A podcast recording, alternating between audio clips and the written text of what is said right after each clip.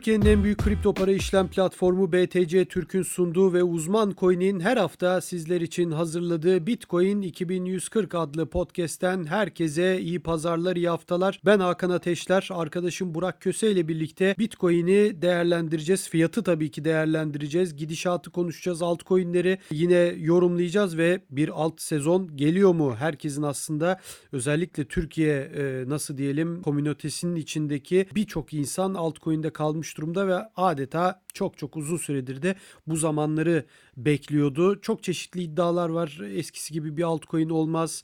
Eski all time high'lar bir daha gelmeyecek, gelecek. Tam tersi yorumlar. Birçok yorum hem Twitter'da hem YouTube'da. Tabii ki çoğuna da e, saygı duyuyoruz ama havalarda uçuşuyor bu tür yorumlar diyebiliriz. Ben Hakan Ateşler. Biraz önce de belirttiğim gibi arkadaşım Burak Köse ile birlikte bu podcast'te kripto paraları, altcoin'leri ve başta tabii ki en büyük kripto parayı, kralı Bitcoin'i konuşacağız. Burak hoş geldin. Hoş bulduk Hakan. Evet e, gerçekten hareketli haftalar yaşıyoruz. Hareketli günler geçiriyoruz. Bitcoin sert hareketler yapıyor aslında. Yani 19 bin dolara da dayandı. Bir ara 18 binin altına düştü. E, tabii altcoin'ler böyle bir hazırda e, hani roketlenmeyi bekleyen füze gibi aslında çoğu bekliyor ama Bitcoin'in sert hareketleri hemen dominasyonu Bitcoin'e çeviriyor. Ama dominasyon biraz düşer gibi olduğunda da altcoin'lerde hemen anında bir hareketlenme görüyorsun. Bu da bana hani sanki böyle bir 2017 alt sezonunu girmek istiyormuş gibi altcoin'ler hissettiriyor ama sanki Bitcoin buna tam anlamıyla da izin vermedi gibi geliyor. Sen neler söylemek istersin? 2017 Aralık'tan önceki Mayıs, Haziran, Temmuz. Keşke tabii. o aylar o ayları yaşıyoruz gibi bence. Yani o, o aylara giriyoruz gibi bir his var içimde. Fiyat hareketlerine baktığımda da e, ona benzetiyorum biraz. Şimdi Bitcoin bizim bu podcast'i kayda aldığımız cumartesi günü bir 19 bin dolar denemesi yaptı. Sabah saatlerinde hepimiz uykudayken fiyatın Bitstamp'ten baktığımda 18.977 dolara kadar ulaştığını görüyorum. Evet. Oradan hemen bir satış geldi. Gayet normal satışlar bunlar aslında. Ee, şimdi biraz dinlenme moduna geçmesini bekliyorum açıkçası Bitcoin'in. Belki birkaç gün bu seviyelerde oyalanırız. Hemen onu sorayım. Birkaç gün bu seviyelerde oyalanırsa küçük küçük alt ralliler görebilir miyiz? Çünkü herkes onu söylüyor. Yani Bitcoin biraz dinlensin, biraz dursun ki Hı-hı. altcoin'lere o dominasyondan para altcoin'lere aksın, dolara geçmesin insanlar diyor. Görebiliriz ve zaten görüyoruz da bugün e, mesela şu anda Bitcoin fiyatı düştü 18.600 dolar seviyelerinde ama XRP mesela hala artıyor şu aralarda. Tabii. Tabii. Şu an e, şu an 0.30'u kırdı. 30'u kırdı. 0.37, 37'nin tabii, üzerine tabii. de çıktı zaten. Tabii tabii. Bu devam edecektir Bitcoin'de sert bir satış olmazsa bence. Pazartesi haftanın ilk günü zaten dikkat edersen Bitcoin son birkaç haftadır e, haftaya iyi bir başlangıç yapıyor. Pazartesi günleri bir artış geliyor Bitcoin'in fiyatında. Bu evet. hafta da öyleydi. E, pazartesi günü belki yaşayabiliriz bir e, fiyat artışı 20 bin dolara doğru. Onun 20 bin doları da açıkçası ben geçen haftaki de podcast'te söyledim. 20 bin dolar ve ötesinde bekliyorum. Doğru Çok söylemiştin. Durmayacak gibi buralarda diyordun. Bence öyle olacak. Çünkü bir yandan e, podcast'e gelmeden insanlar işte Bitcoin ilgi gösteriyor mu falan şöyle bir bakayım dedim. E, Google arama sonuçlarına da baktım. Orada yani inanamadım açıkçası. Mesela hemen e, alalım rakamları ben de bilmiyorum çünkü. Evet, şu an e, rakamları bir dakika aklımda kaldığı kadarıyla söyleyeyim tamam, ya da tamam. ya da yani şey sonuçta yapayım. artacağını çok net bunun artmış olabileceğini tahmin ediyoruz çünkü ikimizin bulunduğu WhatsApp arkadaş grubumuzda bile bunlarla hiç ilgilenmeyen insanların evet. yani e, emojilerle Bitcoin'leri bize sorduğunu, sana daha çok sorduğunu görüyoruz. Cüzdan mı lazım? İşte bunu faize veremiyor muyuz? Faizle mi Bitcoin'le? Yani insanlar hafif hafif sanki yani, böyle e, başlamış gibi. De, yani en azından tabii. sormaya başladılar. Bu evet, insanlar yani. yanlış anlaşılmasın bize 2000 2017'de 2018'de bırakın bu kumar işlerini diyenlerle aynı insanlar. Tabii ki tabii evet. İyi noktaya parmak bastın. Ben e, geçenlerde Twitter hesabımda da yazmıştım. Bitcoin 17 bin dolar falan yapmıştı galiba. E, iyi bir yukarı yönlü bir hareketle. Hiç beklemediğim birinden telefon aldım evet. yani. doğru. Alınır doğru. mı Bitcoin ne yapalım gibisinden şaşırdım yani. Hiç beklemiyordum çünkü. Yani şu anda mesela Google Trend verilerine baktığımda yani burada gördüğüm benim mesela 2019 Eylül ayında şu an rekor bu. En çok Bitcoin Türkiye dünya genelinde 2019'un Eylül ayında aratılmış. Orada nasıl bir fiyat hareketi olmuştu? Muhtemelen 13 bin dolara falan doğru gitmişti Bitcoin yanlış hatırlamıyorsam. Ee, en çok ilgi aslında Bitcoin'e Eylül'de gösterilmiş gibi görünüyor yani. Orada bir pik yapmış Bitcoin ile ilgili aramalar.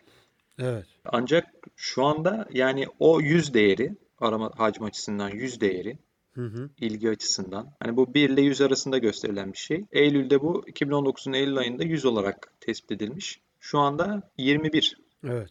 Yani şu an fiyat nerede yani? Bir de ona bakmak lazım. Yine senin aslında yine geçen hafta zannediyorum ondan önceki hafta da olabilir. Söylediğin konuya denk geliyoruz. Hala küçük yatırımcı tam anlamıyla işin içinde yok. Yok. Yani evet. aramalar hala düşük. Ama şu da var. Şunu hemen sana sorayım bu konuyla ilgili. Şimdi o dönemki Google aramalarıyla şimdiki aynı mı? Yani o dönem çoğunluk arayanların biz de dahil belki ilk kez duyuyorduk. Yani duymuştuk önceden ama hani Hı hı. e, gerçekten duymadan ve hani konuşmadan bahsediyorum. İlk kez duyulan bir şeydi ve ilk kez aranıyordu. Şimdi o arayanların çoğu acaba biliyor, başka takip edebildikleri yerler de var. Bilmelerine rağmen şöyle bir göz ucuyla mı bakıyorlar? Yani o heyecanla sanki aramıyorlar gibi de olabilir. Yani şartlar aynı değil. Bunu da konuşacağız birazdan. Yani 2017 ile benzerlikler, Tabii farklılıklar farklı ne olur ne ne biter tabii o günlerde nasıl 20 bine geldi hepsini konuşacağız ama aramalar şu net herhalde onu söylemek istiyorsun. Aramalar net şey doğru orantılı bir şey ama değil mi? E, Kale alınması gereken, ciddiye alınması gereken bir veri. Tabii tabii kesinlikle öyle. Yani buradan şunu anlıyoruz açıkçası yani bireysel yatırımcı piyasaya geliyor mu? Yani bu fiyat artışlarına rağmen Evet. geliyor mu gelmiyor mu? Gelmiyor şu şu aşamada. Bunun gelmemesi peki olumsuz bir durum mu? Bence değil.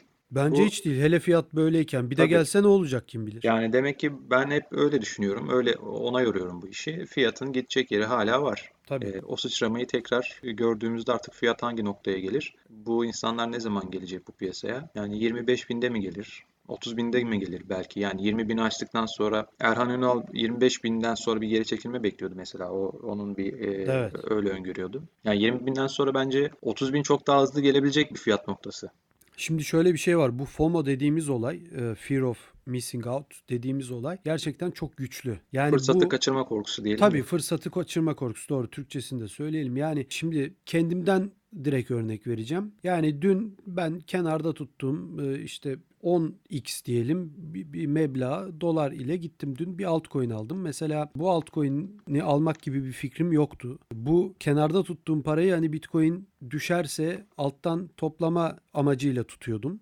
Ya çok Evet. büyük bir para da değil açıkçası zaten Ee, ama yani o düşerse bir altcoin düşer bir şey olur bir fırsat olur diye tutuyordum ama bir iki tane YouTube programı izledim. Teknikler, dirençler, destekler anlattılar. İşte bir- baktım ki dedikleri direncin üstünü hafiften kırmış Ee, ve dedim ki gireyim buna çıkar yani bu daha yükselecek gibi bir hissiyat oluştu içimde. Şimdi biz burada özellikle ben yani biz bu e, podcast'i çekmeye başladığımızdan beri disiplinden bahsediyorum. İşte biraz kenarda dolar olsun, o olsun, bu olsun, 3 kuruş da olsa düzenli şekilde alalım diyoruz. Onu diyoruz, bunu diyoruz. Hep anlatıyoruz. Çok bilmişlik taslıyoruz yani burada aslında. Ama yani bazen biz bile söylediğimiz şeyleri uygulayamayabiliyoruz. Yani dün ben işte o kenarda tuttuğum parayı hemen gittim bir altcoin aldım. Şimdi biz bile böyleysek senin dediğin gibi o 20 binden sonra 25 binden sonra o FOMO dediğimiz olay çok başka yerlere gelebilir. Ben şunu iddia ediyorum çünkü bu psikolojik açıdan da bence böyle. Yani 100 bin dolar olsun 200 bin dolar da olsa bu dünyada çok net kalabalıklar var bu bitcoin'i alacak. Bunu iddia ediyorum. Bunu yani gider anlamında söylemiyorum. Ama olsun alacak insanlar da var. Çünkü bu öyle Şimdi- bir psikoloji ki Tabii. insanın böyle hemen çünkü şu da var alması da kolay. Tık Tabii. tık tık. Yani Tabii. öyle gidin gidin şimdi hadi Amazon hissesi alalım. Hemen alalım şimdi Amazon hissesi alamayız. Veya Google hissesi alalım. Yani Evet. bir kere bugün Ben pazar. Yani telefondan nereye ulaşacaksın? Bankan ona izin veriyor mu? O. Gideceksin kağıt toplayacaksın, belgeler toplayacaksın. Hadi hepsi var. Nasıl alacaksın? Yani almanın imkanı yok şu anda. Ama bunu girdiğin gibi telefondan tık tık tık bitti. Ya bu da insanı teşvik ediyor açıkçası.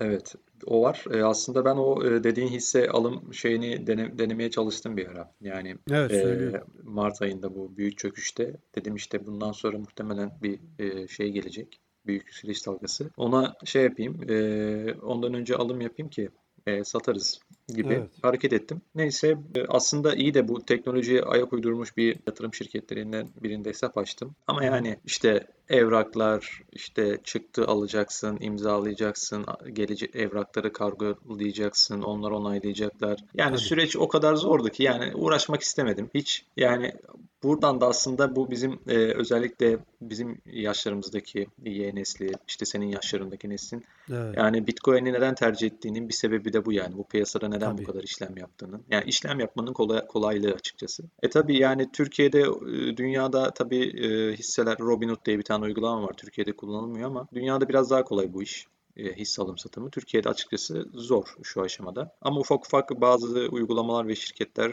çıkıyor görüyorum. Belki daha da kolaylaşır bir süreç. Sen de az önce söyledin. Şimdi e, şartlar farklı dedin. Şimdi birincisi bu gelecek yatırımcı dalgasının boyutu. Yani 2010 2017 ile mi kıyaslıyoruz şu anda? 2017'den belki çok daha büyük olabilir. Ben şu açıdan diyorum bunu. Hı hı. Birincisi Bitcoin artık daha iyi anlaşılıyor. Yani kimse televizyona çıkıp Bitcoin bir dolandırıcılıktır diyemiyor şu an. Çünkü yani e, 2017 o yükseliş dönemlerinde JP Morgan'ın CEO'su çıkıyordu işte Bitcoin dolandırıcılıktır, Bitcoin işte işlem yapan bir e, çalışanımı gördüğümde onu işten kovarım vesaire gibi Evet. açıklamalar yapıyordu. Ya bunu dillendiriyor, dillendiriyordu çok rahat. O da söyleyemiyor artık bunları. En son işte Bitcoin bana göre değil deyip kestirip atmış artık yani. Onun dışında yani bugün birçok mesela BTC Türk e, milli takıma sponsor olabiliyor. Yani insanların güven algısı olumlu yönde değişti artık. Hem Tabii Bitcoin ya 1 hem de milyon 100 bin kullanıcıya ulaşmışlar. 1 milyon 200 Yani binmiş, e, 200 son bin yani düşün yani o 1 milyonda en son. Daha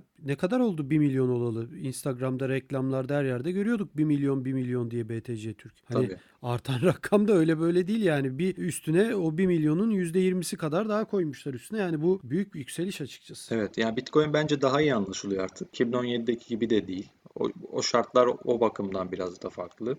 Tabii. Yani böyle bir dalganın ben açıkçası boyutunun daha büyük olabileceğini Şimdi düşünüyorum hemen buradan şunu bakarak. o zaman söyleyelim. Sen tabii o dönemleri biraz daha hani ben tepeden girmiştim ve hani o 20 bine 18 17 bin 20 bine ulaştığı dönemlerde 74 bin 77 bin gibi Türk lirası fiyatı olduğu dönemlerde ben hani artık iyice işin içine girmeye karar vermiştim. E, o heyecanı hissetmiştim kendimde. Ama sen biraz daha hani ona o zamana oranla biraz daha geçmişe sahipsin kendi kafanda. Hı hı. Daha iyi kıyaslamayı yapabileceksindir o anlamda söylüyorum. Hani e, sana şunu sormak istiyorum. Şimdi o dönem söylenen bir şey var. Tabii grafikleri açarsak görürüz hepsini ama ben sen yaşadığın için daha Evet. net e, sormak istiyorum onu. Yani grafikten yoksa açalım bakalım ama o dönemki 20 bin dolara gidişin zaten çok sağlıksız olduğu belirtiliyor.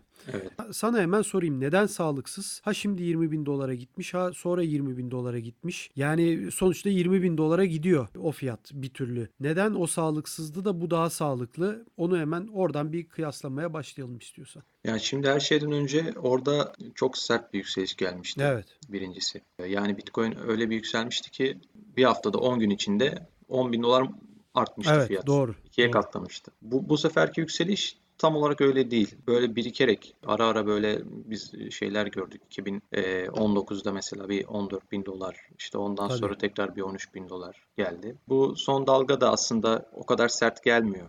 Yükseliyor Bitcoin. Ee, yani Mart ayından beri bir yükseliş hareketi var. Yani Mart ayından bu yana Mart ayında fiyat neydi? 8-9 bin dolar yani. ikiye katlamış olsa bugünkü fiyata gelecekti. Evet. Yani o birden ikiye katlanmadı mesela. Aylar aldı fiyatın ikiye katlanması. O açıdan sağlıklı bir fiyat hareketi bu. Yani nasıl ki 2017 yılında biz fiyatın işte 10 günde, 15 günde iki katına çıktığını ve sonra çıktığı gibi aşağı indiğini gördük. Tabii. Ee, ne kadar hızlı çıktıysa o kadar hızlı aşağı indi fiyat. Belki de daha da hızlı aşağı indi. O açıdan biraz farklı 2017'deki fiyat hareketiyle bugünkü fiyat hareketi. Bir de orada tabii erken dönem Ee, girenler de vardı değil mi? Erken Tabii. işte Hı early adapter dedikleri o kitle de vardı. Ee, O Belki var. onların bir Ee, bölümü de sert bir satış yapmış olabilir. ee, Çok ciddi şekilde. Yani çünkü oradaki yükseliş bile Ekim Kasım'da bile 5000 6000'di Bitcoin. Sonra bir anda öyle 20 bine gitti. Dolayısıyla hani gerçekten bu bu seferki daha hani herkes daha sağlıklı geliyor. Yani böyle 15 binden alıp veya 7 bin 8 binden alıp 18 binden satmak isteyen kitle yok sanki. Tabii yani o zaman Bitcoin için daha böyle e, spekülatif bir araç olarak bakılıyordu Bitcoin'e. Şimdi ise Evet. yani dedim ya daha iyi anlaşılıyor gibi az önce bahsettim. Şimdi milyarderler işin içine giriyor, kurumsal yatırımcılar işin içine giriyor. Yani artık şimdi biz unutuyoruz aslında yaşadığımız gelişmeleri. Tabii. Geriye dönüp baktığımızda yani kimler kimler Bitcoin ile ilgili ne açıklamalar yapmadı ki şu son bir, bir iki aylık süreçte. Yani Paul Tudor Jones'ta başladı süreç. Ondan sonra Drakan Miller o da bir Evet. başka önemli isim. O da Bitcoin aldığını açıkladı. Hatta Meksika'nın en zengin ikinci ismi yani bu adam da kalkıp işte benim likit portföyümün %10'u Bitcoin'de diye bir açıklama yaptı Evet, henüz henüz daha birkaç gün önce. E, Bunlar şeyler, e, bir de bunların şirket boyutları var. Zaten her podcast'te konuşuyoruz. Zaten bundan bahsedecektim. Grayscale'in e, Bitcoin fonundaki Bitcoin miktarı 500 bin Bitcoin'e çıktı mesela. Yani inanılmaz bir artış var orada. Bu rakam yani bir yıl öncesine gidersek 200 binlerde geziyordu. Grayscale'in Bitcoin fonundaki fonundaki Bitcoin miktarı. E şimdi ya on iki katına çıkmış, onun da üzerine çıkmış hatta yani 500 bin neredeyse bir yılda 300 bin BTC eklenmiş buraya. Evet. Bu fona tabii kimler yatırım yapıyorlar? Kimler bu, bunun Grayscale vasıtasıyla Bitcoin'e yatırım yapıyorlar? Kurumsal yatırımcılar. Yani %80'ini kurumsal yatırımcılar oluşturuyor. Yani bu da işte hep diyoruz işte kurumsal yatırımcı, kurumsal yatırımcı. Artık ortada yani durum. Ne kadar Bitcoin'e ilgi gösterdikleri ortada. Ee, yani şu anda Bitcoin'de bir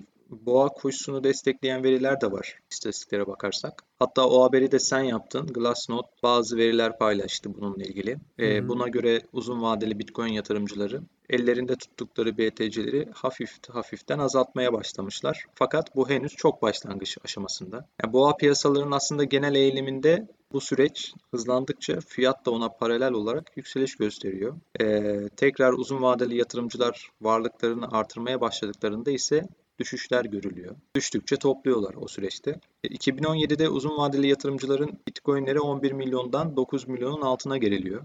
Aynı periyotta fiyat da 700 dolardan 20 bin dolara kadar yükseliyor. Yani şimdi mevcut durumda da o eğilimin başladığını gösteren işaretler var. Hafif yani fiyat işte bu seviyelerde 17 bin 18 binlerde. Bunların bitcoinlerinden satışlar gelmiş piyasaya. Biraz çok az bir azalma var. Bir aşağı yönlü bir eğilim var. Ama bu eğilim hızlandıkça da aşağı yönlü devam ettikçe de fiyat o oranda acayip bir patlama yapıyor yani. 2017 yılının o 20 bin dolara giden 700 dolardan 20 bin dolara ne kadarlık bir yükseliş var? 25 katlık bir yükseliş var yaklaşık olarak. Tekrar böyle bir yükseliş görür müyüz? Açıkçası bilmiyorum yani o biraz spekülatif olur.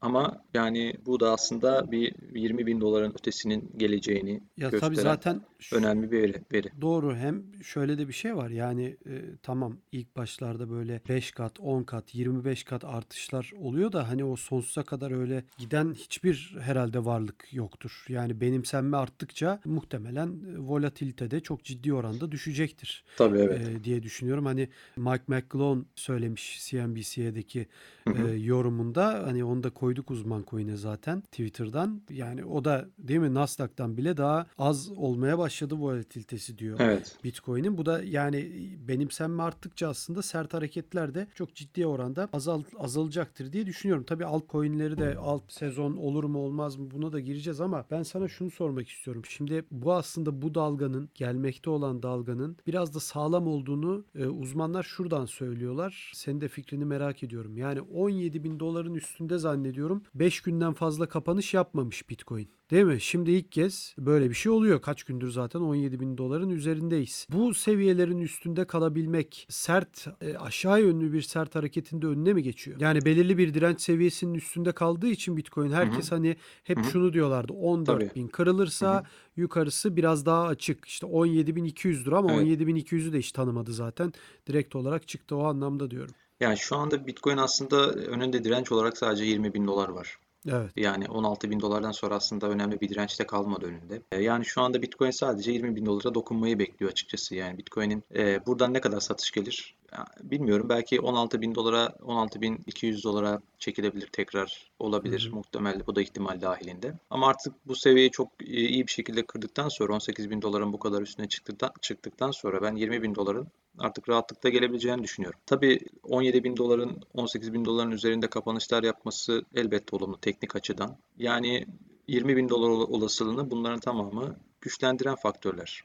Tabii. Hemen o zaman yavaştan bu Altcoin'ler. altcoin'ler yani herkesin Özellikle Özellikle Türk Türk yatırımcı. tabii Evet. tabii yani Türk yatırımcı bütün anketlerde herkes söylüyor ki biz altcoin'de kaldık. Niye? Çünkü ya ben burada kimseyi de eleştirmek ya da e, biraz önce dediğim gibi çok bilmişlik yapıp da burada hani işte efendim söyledik size altcoin almayın şöyle böyle diyemem. Yani bu tür yorumları da görüyorum. Ama sonuçta insanların maddi beklentilerini karşılayabilenler altcoin'ler. Yani Bitcoin'de şimdi ne bileyim 10 bin dolardan alsan şu an %70 kârdasın diyelim. Ama e, altcoin'lerde bu meblağın çok daha rahat bir şekilde kazanıldığını biliyoruz. Dolayısıyla ve bu bunu geçmişte de hepimiz yaşadık zaten. Daha bu yaz bile DeFi furyasında yaşadık. Dolayısıyla insanlarda beklentilerini biraz daha yüksek tutmak adına ha bu mantalite yanlıştır derlerse onu tartışırız. Ama sonuçta altcoin'ler yani Bitcoin paritesinde nasıl para kazanabilirsin? Eğer düzenli şekilde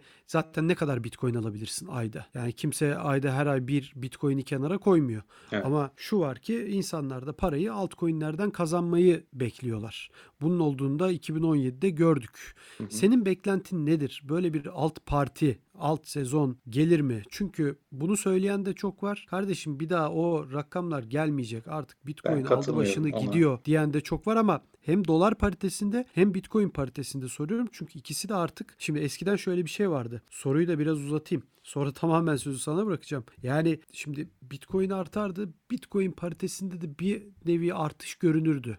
Hı hı. O altcoin ile ilgili. Dolar paritesinde de artış göründü. Şimdi bu yazılı olmayan bu kurallar tamamen darmadağın oldular. Dün bakıyorum 18 bin dolar bir 18 bin 500 yaptı. Altcoin'ler dolar paritesinde de erimeye başladı. Yani bırakın Bitcoin paritesini. Bitcoin paritesinde zaten çok sert eriyorlar ve bir anda dolar paritesinde de erimeye başlıyorlar. Çünkü insanlar çıkıyor ve Bitcoin trenine atlıyorlar tamamen. Yani böyle bir sorunsal da oluşmaya başladı. Şuradan örnek verelim. İşte BNB var biliyorsun hani Binance'in parası. Bundan bir buçuk iki ay önce ben sürekli favori listemde olduğu için takip ediyorum. Bir buçuk iki ay önce 28 bin Satoshi'deydi Bitcoin paritesi. Dolar olarak da zaten hala aynı 27-32 dolar arasında gidip geliyor. Yani Satoshi ile dolar paritesi çok çok benzerdi BNB'nin. Şu Evet. an Bitcoin paritesi 12-13 binlerde ama dolar paritesi 28 dolarda. Yani Bitcoin paritesi neredeyse böyle yarıdan fazla %70 eridi. Hani bu bence çok önemli bir durum. Çok işlerin farklı yönlere gidebileceğini de Bitcoin paritesinde bize gösteriyor. Neden? 2017 Aralık ayında insanlar Bitcoin'den çıktılar mı direkt o Bitcoin'e altcoin alıyorlardı. Şimdi dolara dönen, altcoin'de bekleyip dolara dönen de çok ciddi bir kalabalık var. Yani o sanki artık o Bitcoin altcoin, Bitcoin altcoin şeyi geçişi eskisi kadar yoğun değil gibi geliyor bana. Bitti sorum. Yani onun en sonuncu söylediğinden başlayayım. En son söylediğinden Tamam. başlayayım. Ee, onun en büyük sebebi zaten eskiden 2017-2018 e, döneminde yani bu Tether bu kadar kullanılmıyordu. Yani insanlar Tabii. daha çok Bitcoin paritesinde işlem yapıyordu. Yani Bitcoin baktığımızda işlem hacimlerine, borsaların, piyasalara baktığımızda en büyük işlem hacimleri hep Bitcoin paritelerindeydi. E şimdi durum bunun aksi yani Tether üzerinden işlem yapılıyor. Direkt adam dolara dönüyor, Bitcoin'e dönmüyor. Yani bugün bakın, Litecoin'e bakın ya da işte diğer BNB'ye bakın, diğer kripto paralara bakın. Hepsinde muhtemelen ağırlıklı olarak en tepede USDT şeyini görürsünüz. Tabii. Çiftini görürsünüz işlem hacminin en yoğun olduğu çift olarak. Şimdi altcoin'ler ne zaman bu patlamayı yapacaklar? Yani bu patlama bence tekrar yaşanacak. Yani birçok insan dediğin gibi senin de işte artık o günler geri gelmeyecek. Altcoin'ler bir daha o yükselişleri yaşamayacaklar. Ya o yükselişleri yaşamayacak demiyor da o fiyatlar bir daha gelmeyecek. Yükseliş yaşar. %200 de artar. %3 de atıyorum. Ripple bir daha 3,5 dolar olmaz diyor adam. Diyor ki 1 1,5 olur. Yine şimdinin 5 katı. O Anladım. anlamda hani yükseliş olur ama o rakamları unutun diyen de çok var. Yani aslında 1-2 dolarlık yükselişler de ciddi yükselişler şu mevcut Tabii fiyatlarla tabii tabii baktığımızda ki ama e, ben yine de 3 Ripple mesela 4 dolara yakın bir seviyelere çıkmıştı. 3.75 daha üzeri de olabilir. E, yani o, o seviyeler yok saymıyorum tamamen yani. Bence tekrar gelebilir o seviyeler. E, zaten şimdi burada ne önemli? Bitcoin fiyatının tepe noktaya ulaşması gerekiyor artık. Eğer altcoin'lerde böyle yükselişler görmek istiyorsak. Ee, bunu geçen hafta söylemiştim. Hala aynı fikirdeyim. Belli başlı altcoin'lerde bugün önemli kıpırdanmalar oldu. Herkesin beklediği XRP'de mesela sadece bugün %25'lik bir artış var. Yani şu piyasa koşullarında bu artış bence XRP'nin bugünkü yükselişiyle yani piyasa böyle ısındığında, iyice ısındığında Bitcoin artık tepe noktayı gördüğünde yapacakların bir fragmanını gösteriyor bence. Yani XRP'nin ben iyi bir fiyat patlaması yapabileceğine inanıyorum. Ya zaten XRP'yi ben 2017'de zaten örnek verdim ama XRP'nin bir de kardeşi var biliyorsun XLM, Stellar Lumens. o da hafif Yani şey başladı. o da o başladı. yükselince o da yükseliyor yani. Çok ilginç bir durum var yani. O da uzun zamandır sessizdi çünkü XRP gibi. Hadi XRP'ye diyorlar ki kardeşim siz Ripple hı. şirketisiniz, coin satıyorsunuz, şunu yükseliyor. Biraz da coin adam da diyor ki biz ne yiyeceğiz o zaman? Bizim ekmeğimizi almayın diyor. Biz de satıyoruz yaşamak için diyor ama Stellar Lumens'te öyle bir şey yok ki. Yani Evet. Stellar Lumens de yine tartışmaların olmamasına rağmen çok hareketsizdi. XRP çıktı o da çıktı. Şimdi aslında e, XRP'den konuşuyoruz ama altcoin'lerin ben Bitcoin paritesinde o, o yük- büyük yükselişleri yapacağına inanıyorum yani. E, onu da belirteyim. Çünkü ya 2017 sen mesela 2017'den bahsettin az önce. Yani 2017'de Bitcoin yükselirken şu an önümde Litecoin grafiği var. Litecoin paritesine bakıyorum. Litecoin BTC. Orada Bitcoin'in Bitcoin bazında Litecoin'in de geri çekildiğini, Bitcoin yükselişlerine ayak uyduramadığını görüyorum açıkçası. Yani aslında Bitcoin'le birlikte pek yükselmemişler Hmm. 2017 dönemine baktığımızda. Bitcoin yükseldikçe Bit- Bitcoin tepe yap, tepe yaptığı noktalarda böyle Litecoin'in fiyatı da Bitcoin bazında dip yapmış. Tabii. Bitcoin ne zaman yükselişi artık şey yapmış, Sonlandırmış, sonlandırmaya durdurmuş. başlamış. O zaman Litecoin'in Bitcoin paritesinde de yükseldiğini görmüşüz. Bunu da hatırlatmak anlamında. Peki şunu soracağım. Söyleyeyim. İşte dediğin gibi yani şimdi her yerde Tether var. Evet. Başka sabit coinler de çıktı. USDC'den Tabii öyle bir farklılık çıktı. var. Evet. Yani sayabiliriz bir sürü var. Şimdi dediğin gibi insanlar orada Litecoin dedik veya XRP dedik. Tık tık Bitcoin'den ona ondan Bitcoin'e yapıyorlardı. hı. Şimdi bunu yapamayacak olmaları acaba bu alt sezonun önünde bir engel olabilir mi? Engel değil de hani o fiyatların gelmemesi açısından. Hani gelir diye düşünüyorum dedin ya dolar paritesinde de Evet. soruyorum bu arada. İlla ki Bitcoin paritesi olarak da değil. Bence engel değil ya. Yani çünkü hep bu piyasada genel eğilim şuydu. İşte Bitcoin'deki yükselişten önce altcoin'lerde bir hareketlilik olur hafif hafif. İşte oralarda Bitcoin adetlerini artırırlar piyasa oyuncuları. Ondan sonra Bitcoin yükselmeye başlar. Bu sefer altcoin'leri toplarlar. O, ondan sonra da altcoin yükselişleri başlar. Genelde döngü bu şekilde ilerledi piyasada şimdiye kadar. Bitcoin yükselişini tam tamamladıktan sonra da altcoin'lerde ben önemli yükselişler göreceğimizi düşünüyorum açıkçası. Peki e, şimdi şu konuya değinelim. Herkesin yine fiyatla ilgili en çok konuştuğu konulardan biri de fiyatın nereye kadar gidebileceği. Tabii uzun Evet. vadeli diyorum. Yani yine aynı konuya geldik aslında. Biraz daha bunu ciddi konuşabiliriz. Yani programlarda yine arada laf arasında geçiriyorduk ama madem fiyat bu kadar yükseliyor ve herkes fiyatı bekliyor biz de o konuya girelim. Yani 20 bin dolar 25 bin dolardan sonrası için yani 50 bin, 100 bin, 400 bin hatta 1 milyon iddiaları var dolar için.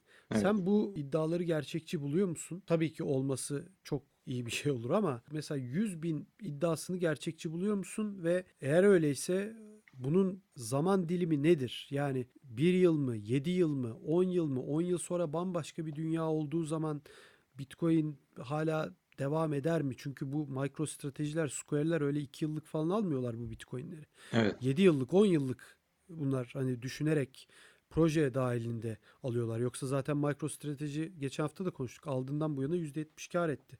Adam Evet. şimdi satsa 1 milyar dolar olacak yani. 500 milyon dolarlık aldı.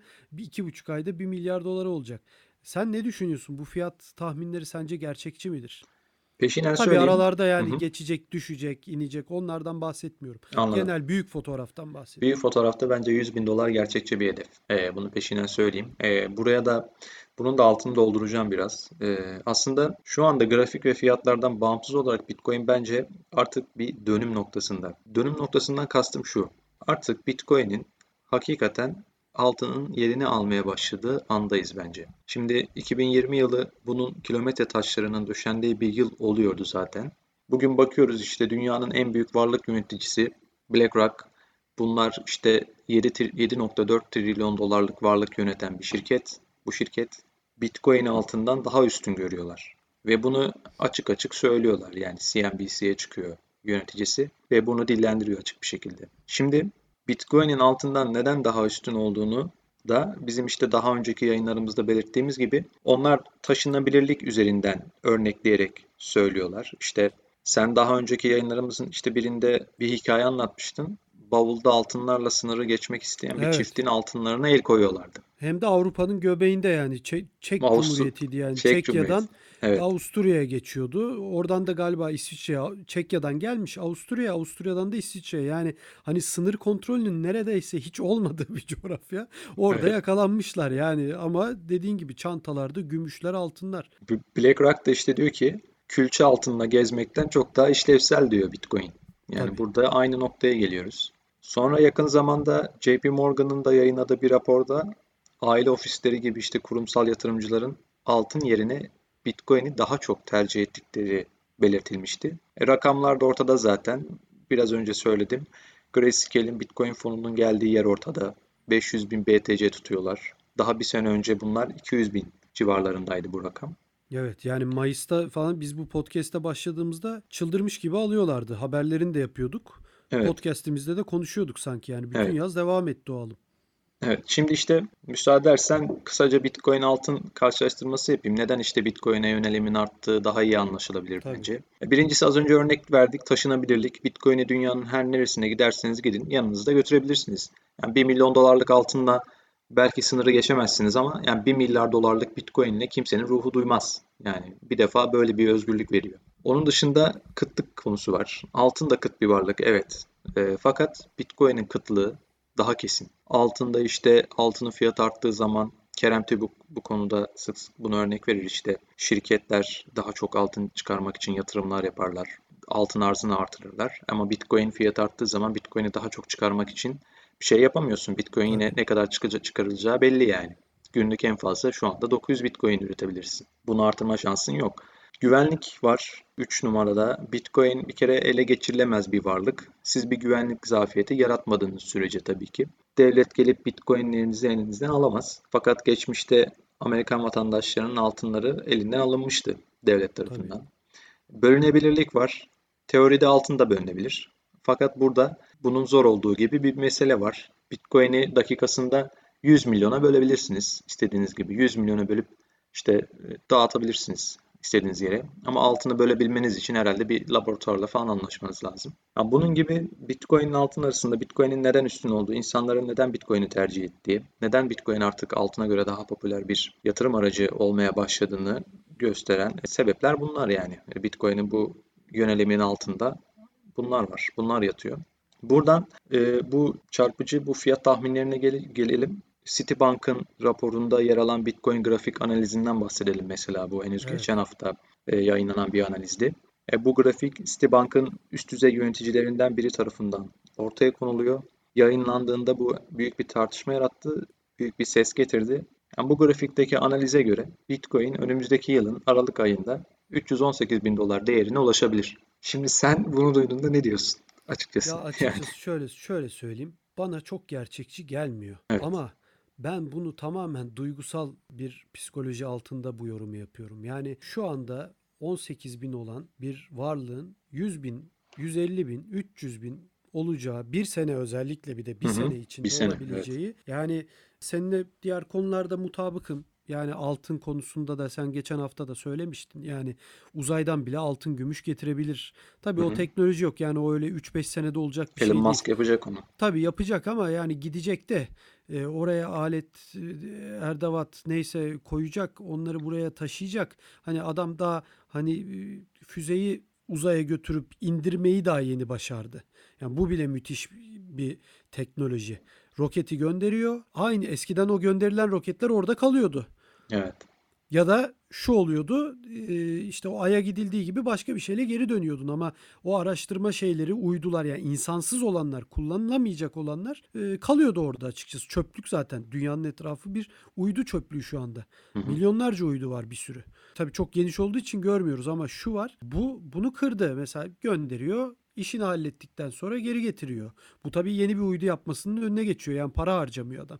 Daha Evet. yeni buradayken oradan altın gümüş getirmesi tabii e, çok kolay değil ama şu var. Uzay, demir, metal, çelik, altın, gümüş kaynıyor.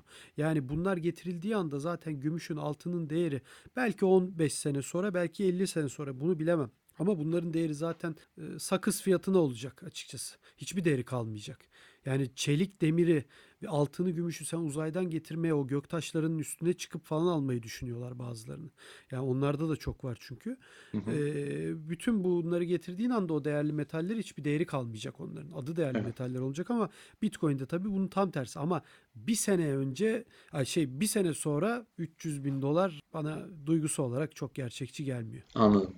Ama bunu da Açıkçası söyleyen hı. de Citibank. Özür dilerim sözünü kestim. Yani Evet. Citibank yani bu da çok ilginç yani yorum yapamıyorum açıkçası yani. Anladım. Ee, Citibank ama şunu da not etmek lazım. Bu Citibank tamam Citibank raporunda yayınlandı bu grafik. Ee, bunu grafik analizini yapan da Citibank'ın böyle üst, üst düzey Tabii yöneticilerinden tabii biri. ben Yani basit biri de şekilde değil.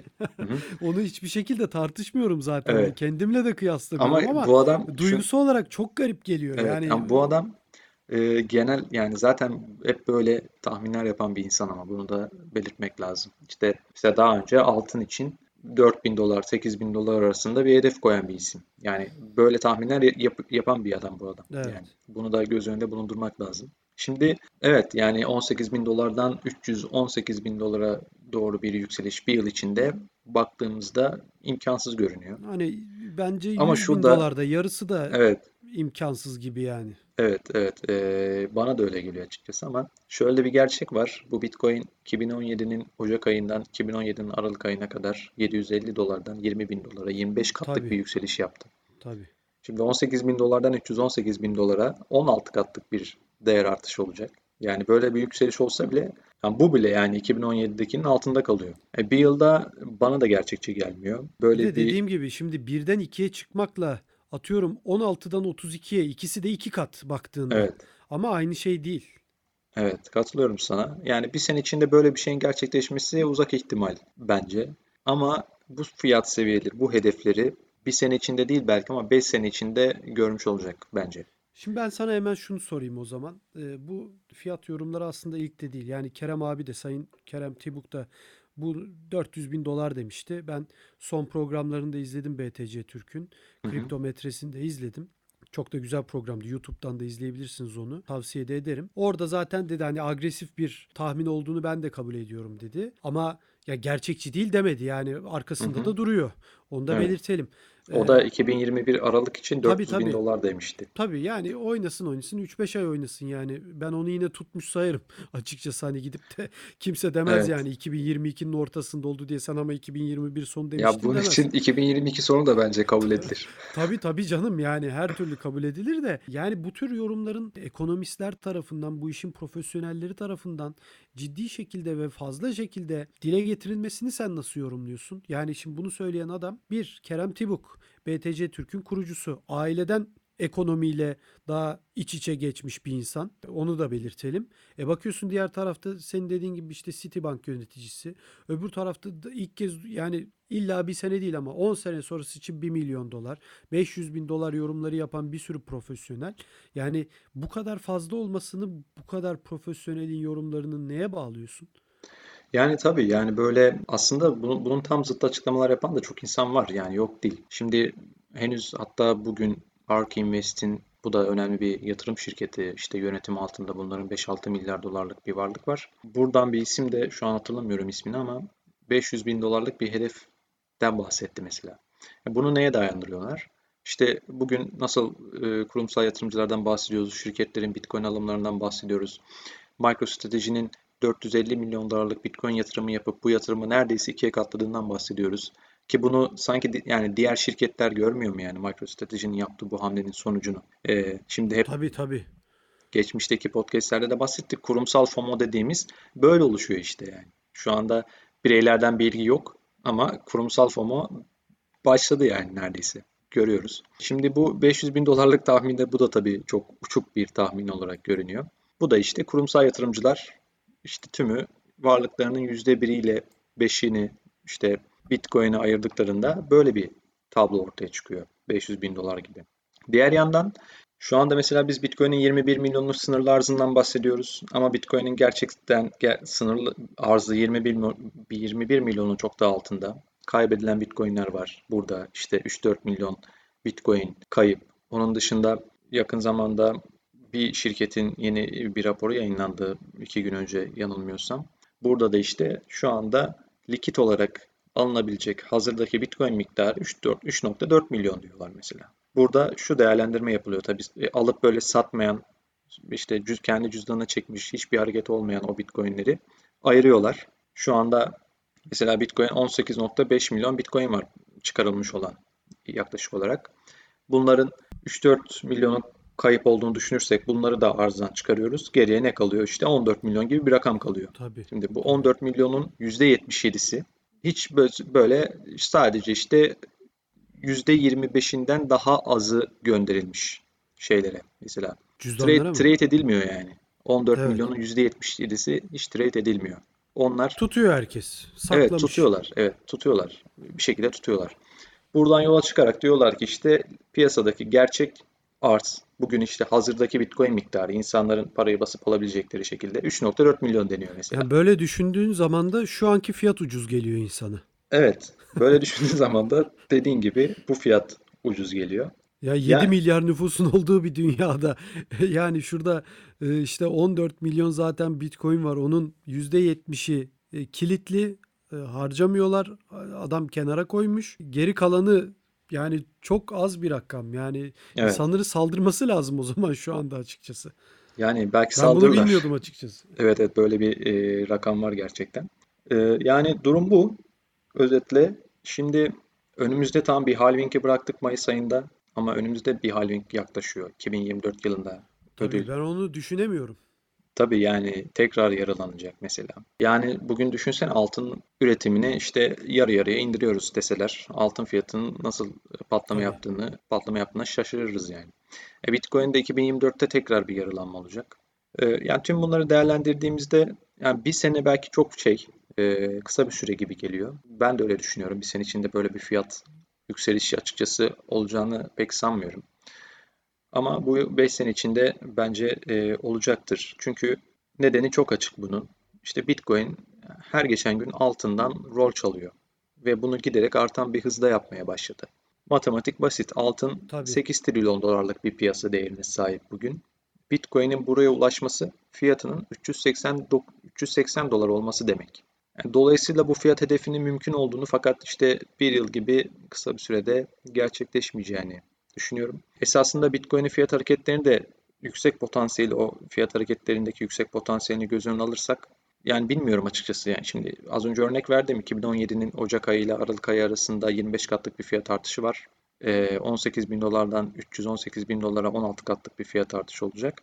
E, ama buna rağmen yine e, bana uzak ihtimal geliyor. Zaten yani analizi yapan isim de bu Citibank'tan bahsettik. O da kabul ediyor onu yani. Bu çok imkan imkansız görünüyor böyle bir şey. Yani bilmiyorum gerçekleşmesi çok şaşırtır mı? Açıkçası Hayır, yarısının, çok yarısının emin değilim. gerçekleşmesi de hani çok yani bırak o hedefi onun yarısının evet. gerçekleşmesi de bence bayağı ekstra muazzam olur diyorsun. Muazzam yani çok ilginç bir durum olur ve ben hani şunu düşünüyorum. Bu işin hani program başında da konuştuk. FOMO dediğimiz olayı çok hafife almamak lazım. Evet. Hani 150 binden sonra sen ben bile alabiliriz. Bak alabiliriz yani biz bu işin içinde bunu söyleyen insanlar bugün burada konuşan adamlar 3 sene sonra 150 bin olduğu zaman olursa yani e, gidip e, hani çok değil tabii ama 3-5 kuruş o şeyi o içindeki o psikolojiyi yenmek için bile sadece o alabilirsin diye düşünüyorum. Yani çünkü o FOMO insanı gerçekten ele geçiren bir psikoloji. Tabii evet. Ve bunu evet. gerçek manada Bitcoin'i olmayan ya da duymuş, ilgilenmiş, bırakmış. Düşünsene yani bir ilgilenmişsin, bakmışsın sonra bıraktın. Belki maddi durumun el vermedi, o olmadı, bu olmadı. Ee, bir fırsatını bulduğunda bir baktın ki yükseliyor. Herkes onu konuşuyor. Mahalle bakkalından tut WhatsApp grubuna kadar. Herkes konuşuyorsa onu onun kaçarı yok yani. O psikolojiyi yani, yenmen için hı. onu alman lazım. Evet. Yani geçtiğimiz aylarda dedik ya, dedim ya yani unutuyoruz birçok acayip olay yaşandı. Tabii. Onları hatırlatmak için birkaç şey söyledim. Yani bugün mesela geleneksel piyasadan Fidelity çıkıyor işte diyor ki Bitcoin'i artık şey yapıyor yani Bitcoin'e karşı altı yanlış inanış diye rapor yazıyor. Tabii. Bitcoin'i yanlış anlıyorsunuz. O da yani Amerika'nın herhalde en, en büyük yatırım şirketi şirketlerinden biri aynen. Tabii. Yani o, o bunu anlatmaya çalışıyor artık. Oraya geldik yani. Tabii. Bu raporda e, birkaç Hiç böyle hafta. bir zorunluluğu yok yani bunu anlatmak için yani. Ya onların kendi dijital varlık şirketleri var. Evet tabii. Ee, ama sonuçta bence önemli bir adım. Sonra işte artık piyasayı bu hisseleri, geleneksel piyasaları takip eden, dünyadaki ekonomik gidişatı yakından izleyen insanların neredeyse birçoğunun kulak verdiği bir isim. Ray Dalio. Evet. Mesela bu adam, e, bu adam da çok önemli bir isim. Yani kendi kişisel serveti, net kişisel serveti 20 milyar dolar. Şu anda kendi kurduğu serbest fonun yönettiği varlık 135 milyar dolar. Böyle bir isimden söz ediyoruz. Yani bu bile artık, bu isim bile Bitcoin'i hani hep Bitcoin bir değer deposu olmaktan uzak. Fiyat hareketleri çok volatil. Bitcoin ne değer deposu olabilir ne de işte bir para birimi olabilir diyordu.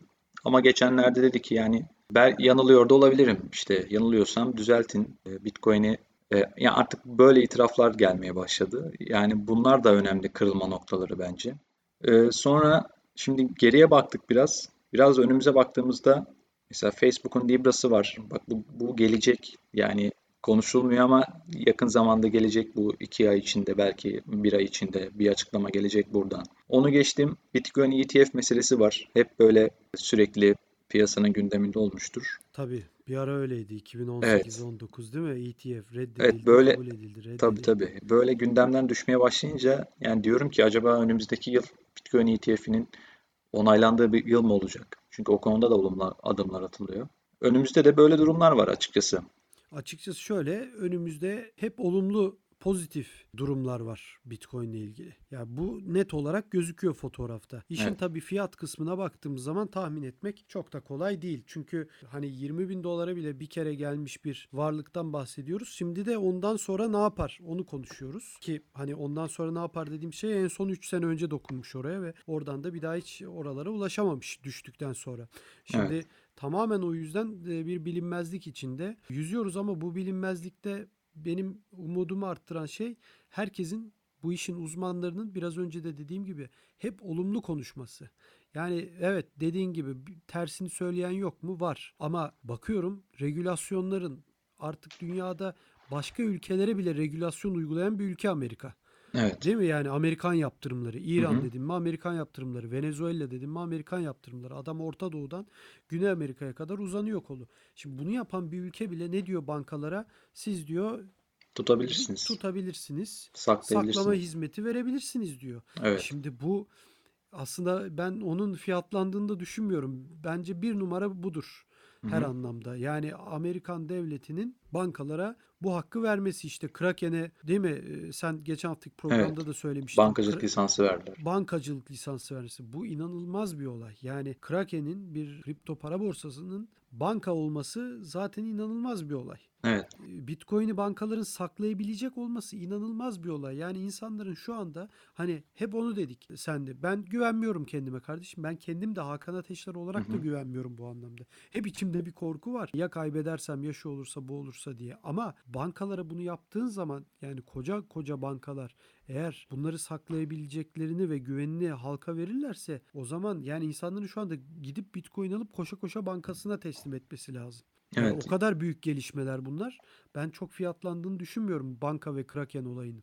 Henüz dün bu arada e, bence bu daha da önemli olabilir. Amerika Venezuela'da Evet, Venezuela'ya para doğru. ulaştırabilmek için onların başkan olarak tanıdığı bir isim var. E, Guaido. evet, evet, aynen. Maduro rejimini atlamak için, e, onun uyguladığı para kontrollerini aşmak için kripto parayı kullanıyorlar şu anda. Tabii. Yani bu da bence çok önemli bir olay. Bu da bir ilk yani. Bu da bir belki e, Dolar tarihi bir an. değil mi? USDC gönderiyor. USDC gönderiyorlar. Yani USDC ile aynen USDC gönderiyorlar aslında. Evet. Yani bu, bu da inanılmaz bir olay. Tabii o dediğin gibi Guaido'yu biraz da desteklemek için Tabii. orada yani tamamen bu arada hatırlatalım Maduro rejimine bir darbe yapılmıştı bir buçuk sene önce zannediyorum. Onun başında Guaido vardı ve o da tutuklanmadı. Yani hala gidiyor geliyor açık açık geziyor oralarda. Tutuklayamıyorlardı. Öyle bir kuvvetleri de yok Maduro rejiminin ama ona rağmen ülkenin tam %100 patronu Maduro rejimi. Ama Guaido'nun da arkasında Amerika var. Bir yerde sürekli deniyor ve şimdi dediğin gibi bu USDC göndererek bir türlü oradaki halkı da herhalde kendi yanına çekmeye çalışacak. Şimdi tabii hep şöyle senaryolar da vardı. İşte ABD kripto paraların önünü tıkayacak, stabil kripto paraları engelleyecek vesaire. Bunu, bunu Tabii söyleyenler var. Bunların hepsi rafa kalkmış oluyor aslında bu Evet. adımla. Bizzat Amerika'nın dış politikada kullandığı bir araç haline dönüşmüş oluyor kripto para. Tabii. Yani Amerika'nın zaten hani doların bu şekilde volatil olduğu bir dünyada ve yavaş yavaş da değer kaybettiği bir dünyada e, ben Bitcoin konusuna da eğilmeden durmayacağını, eğilmeden duracağını hiç zannetmiyorum. Mutlaka ama mutlaka bir yani Trump'ın o konuşmalarının dışında da o Amerika'nın hani hani başkan değişir ama Amerikan politikası değişmez derler ya. Evet. Hani o şeyde zaten Biden zannediyorum daha çok daha olumlu bakıyor Trump'a göre. Hani mutlaka ama mutlaka bu kripto para olayına Bitcoin merkezli eğileceğini ben düşünüyorum. Bütün dünya yavaştan buna geçmeye başlarsa Amerika'nın da zararına olur. Yani e, bu, bu sefer dolar anlamında insanların dolarlara bağımlılığı ne kadar azalırsa Amerika'nın da yaptırım gücü o kadar azalır. E, o da Amerika'nın e, çok isteyebileceği bir şey değil. Bunu da ben Bitcoin'i engelleyerek, kötüleyerek, yasaklayarak değil ki bunu denediler. Daha Yapamadılar. çok yol açarak Bunu tabii Çin de denedi bunu. Yani Hı hı. en büyük biri tarafının Bunu belki Hı hı. demir yumruğu Çin, diğeri özgür dünya diyen ama yine bir demir yumruk bir nevi. Amerika ben tamamen yolunu açarak yapacağını düşünüyorum. Anladım. Ben de sana katılıyorum. Yani bunu zaten böyle bir şeyi ya o treni kaçırdılar. Bunu yapacak olsalardı zaten ilk yıllarda yaparlardı. Evet. Evet. Bundan sonra öyle bir şey çok söz konusu değil yani. Bitcoin'i insanların böyle devletlerin kalkıp e, yasaklaması, engellemesi vesaire. Tabii değil. Bunların çok yaşanacağını sanmıyorum artık. Az önce sen bankalardan da bahsettin. Yani bankalar artık borsa açmaya başladılar. Tabii. Kripto para borsaları açmaya başladılar. Yakın zamanda Belarus'un, Beyaz Rusya'nın en büyük bankası mesela kripto para alım satım hizmeti açtı. Yani bu banka dediğimiz yani 28 bin çalışanı olan dev bir bankadan söz ediyoruz. Onun ötesinde ondan daha büyüğü var. E, DBS Bank var şeyde, Singapur'da mesela. E, o da dijital varlık borsası diyorlar tabii. Kripto para demekten imtina ediyorlar ama onlar da böyle bir e, hamle yaptılar. E, bunlar Ya bizim artarak büyük- devam büyük- edecek. Tabii büyük bankalar şu an bu hizmeti, saklama hizmetini versinler ben koşa koşa götürmeye hazırım. Ya bunun Ben güvenmiyorum atılmadı mı zaten? yani. Yani bunun bunun Tabii. bunun adımları atılmadı mı zaten? Bugün Akbank'ta BTC Türkiye direkt para Tabii, yatırabiliyorsun. Uygulamayı Kesinlikle. açıyorsun. Kesinlikle. Direkt oradan para yatırabiliyorsun. İşte böyle böyle açılıyor bunun önünü. önü. E, Türkiye'de de herhalde Akbank ilk olacak kripto para Öyle saklama. gözüküyor evet. Akbank alım satım konuda konusunda. agresif gidiyor, Evet. iyi gidiyor. Umarım yaparlar. Yani ben açıkçası hemen Akbank'ta duran oradaki bir nevi, biraz parayı ve şu anda elimdeki Bitcoin'i hemen bankaya koymaya hazırım açıkçası. Bu, bu ne? Tabii bu çok uzun bir süreç çünkü burada Evet. devletin garanti altına bir aldığı bir meblağ olur. Şu anda da nasıl paramız öyle. Yani Akbank'ta bir banka. Yani Sabancı grubunun olsa da, büyük bir grubun olsa da. Sabancı grubun değil mi? Evet. Yani aman bir yanlış olmasın. Yok Sabancı. Yani olmasa da şey olsa da onların altında sonuçta bir banka, bir özel şirket yarın öbür gün kapanır, gider. He- Her bankada bu olabilir. Buna devletin sonuçta bir şey var. e, Güvence. Teminatı oluyor, güvencesi oluyor. E tabii bunlar uzun prosedürler ama olduğu anda da iş çok farklı yerlere gidebilir diye düşünüyorum. Evet yavaştan da programımızı e, kapatalım istersen Burak çünkü fiyat konusunda da daha fazla konuşacak bir şey de kalmıyor elinde. Çünkü bugünlerin en önemli konusu fiyat. Geçen hafta da öyleydi, ondan önceki hafta da öyleydi. Burada artık gerçekten koronavirüs, ekonomik kriz dinlemedi. Bitcoin e, neredeyse bir- birçok varlığa ters e, Koreli bir biçimde gitti, yükseldi. Barajları aştı, e, bariyerleri aştı ve e, açıkçası e, bu noktaya 20 bin seviyesine doğru yaklaşmaya başladı. Umarız geçecek e, burayı da ve tırnak içinde o kutlu yürüyüşüne devam edecek diyelim hepimizin. Tabii ki isteği bu. Umarız e, Türk topluluğunun kripto para camiasında içinde kaldığı altcoin'lerde de bir an önce çok e, ciddi yükselişler o 2017'ye benzer ciddi yükselişler olur da insanlar o zararlarını çıkarabilirler. Hatta parada kazansınlar diye ümit edelim. E, Burak çok teşekkürler. Ağzına sağlık. Sana teşekkürler Hakan. Sağ ol. Evet, e, ben Hakan Ateşler. Arkadaşım Burak Köse ile birlikte Türkiye'nin en büyük kripto para işlem platformu BTC Türk'ün sunduğu ve uzman coin'in her hafta sizler için hazırladığı Bitcoin 2140 podcast'inde fiyatı konuştuk, altcoin'lere değindik, e, geleceğe dair yine yorumlarda, değerlendirmelerde bulunduk. Gelecek hafta tekrardan görüşmek dileğiyle herkese iyi haftalar diliyoruz.